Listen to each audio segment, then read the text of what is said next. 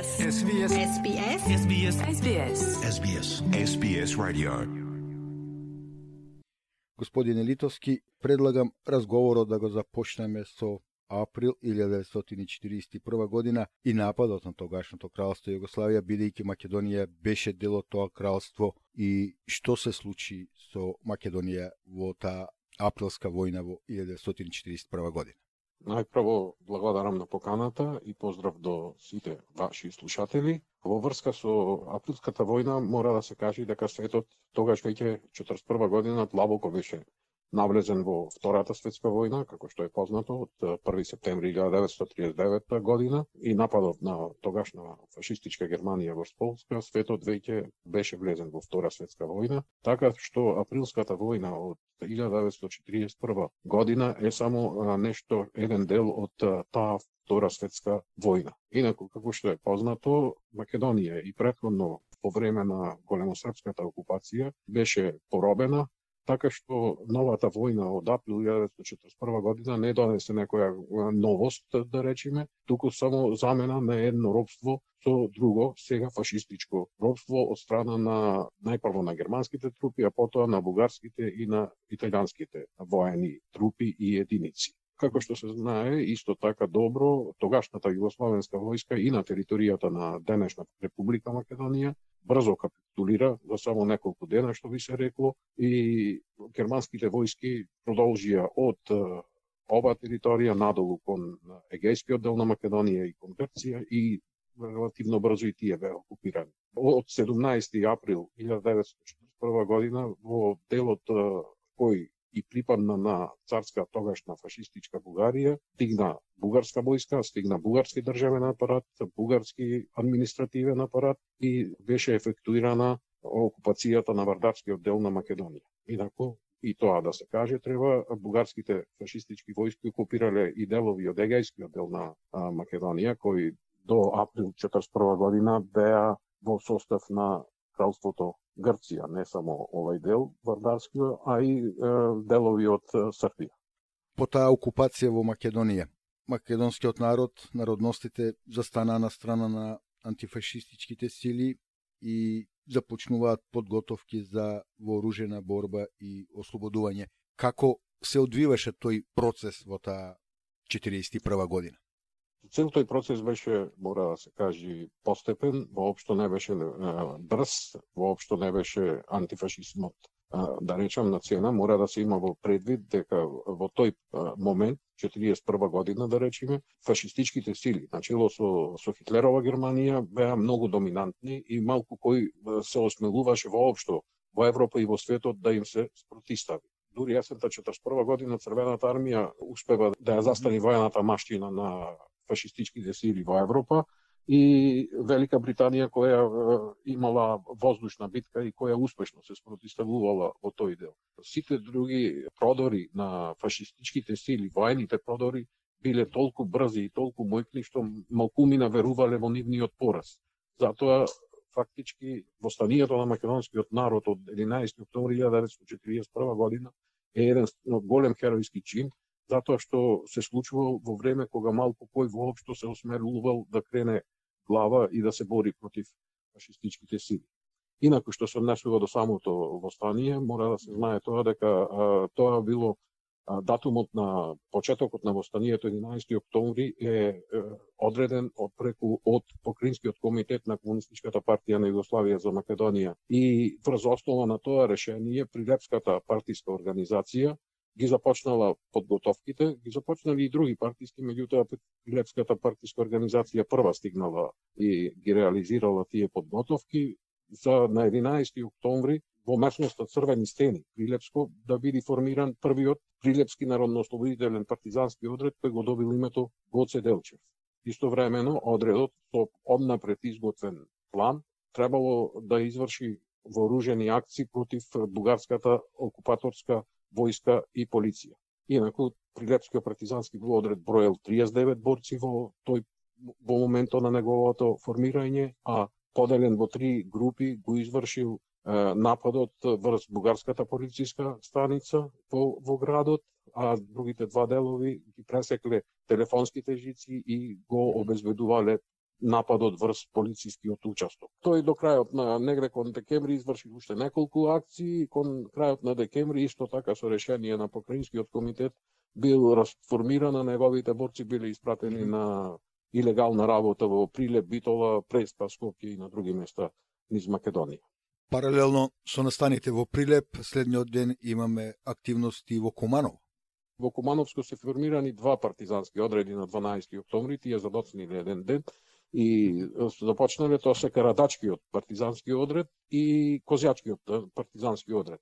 Карадачкиот партизански одред броел 15 работници, од кои 12 македонци, еве и тој податок се знае 12 македонци, двајца албанци, дури еден крват имал по националност, а Козјачкиот партизански одред броел 25 борци. Меѓутоа и двата одреди. Едниот на 14 октомври, другиот на 17 октомври биле откриени од бугарската војска и полиција, биле обиколени и биле целосно разбиени. Поголемиот дел од борците уште тогаш во Кумановско загинале, само малкуми не успеле да се излечат и да продолжат со, со борбата. Јутоа, без разлика на, новиот овој неуспех во Кумановско и да речеме, другите партиски организации што не успеале да изфрлат партизански одред, во наредниот период партизанската борба добивала на интензитет и се ширела, па постепено прорастала во општо народно востание. Е сега, што е круна на таа 4 годишна борба? Значи, во текот на војната македонскиот народ си ја извојува сами од својата слобода и можноста за формирање на национална држава. Тоа се случи во на 2 август 1944 година во манастирот Свети Прокропчински, кога се одржа првото заседание на Астон, со чии решенија кои беа усогласени, попатно да се кажи, кажи со решенијата на Авној, кој создавање на нова Југославија, нова федеративна Југославија, во кој Македонија требало да влези како една од федералните југословенски државни единици. Првото заседание на Аздом тоа го реализирал, тоа го прокламирал и тоа го законил, а исто така треба да се спомне во овој покри другите решенија, решението за прогласување на македонскиот јазик за службен јазик во македонската федерална држава во рамките на Југославија.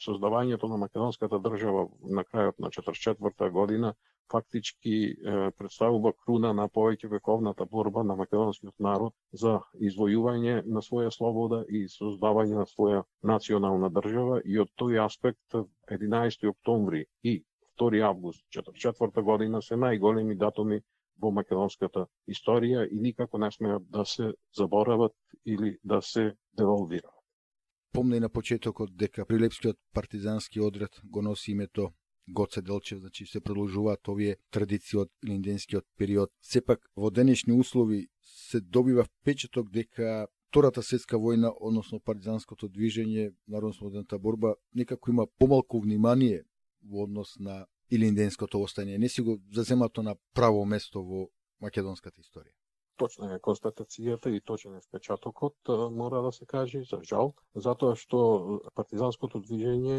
и Втора светска војна и јасно и создавањето на македонска држава се круна и се чисто македонски процеси и настани, за разлика од илинерското востание и од тој период кога македонската борба под дејство на соседните пропаганди беше доста, ајде така да речеме, загадена по наводници, имало големи влијанија, особено имало големи влијанија од бугарската екзархија и бугарската тогашна држава кои се обидувале да ја инструментализираат борбата на македонците во нивна полза и во остварување на нивните нивниот бугарски национален идеал.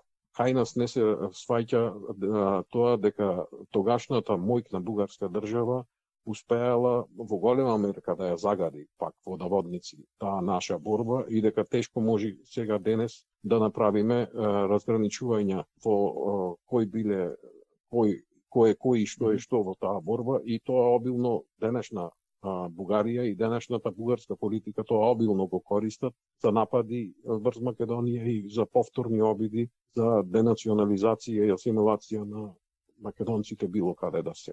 Затоа уште еднаш јас би можел само да апелирам да се е, посвети многу поголемо внимание на Втора светска војна, на автентичното македонско партизанско движење кое успеа а, да ја извојува македонската национална држава и која од која пак денес се изроди и оваа независна македонска држава во која ние денес живееме.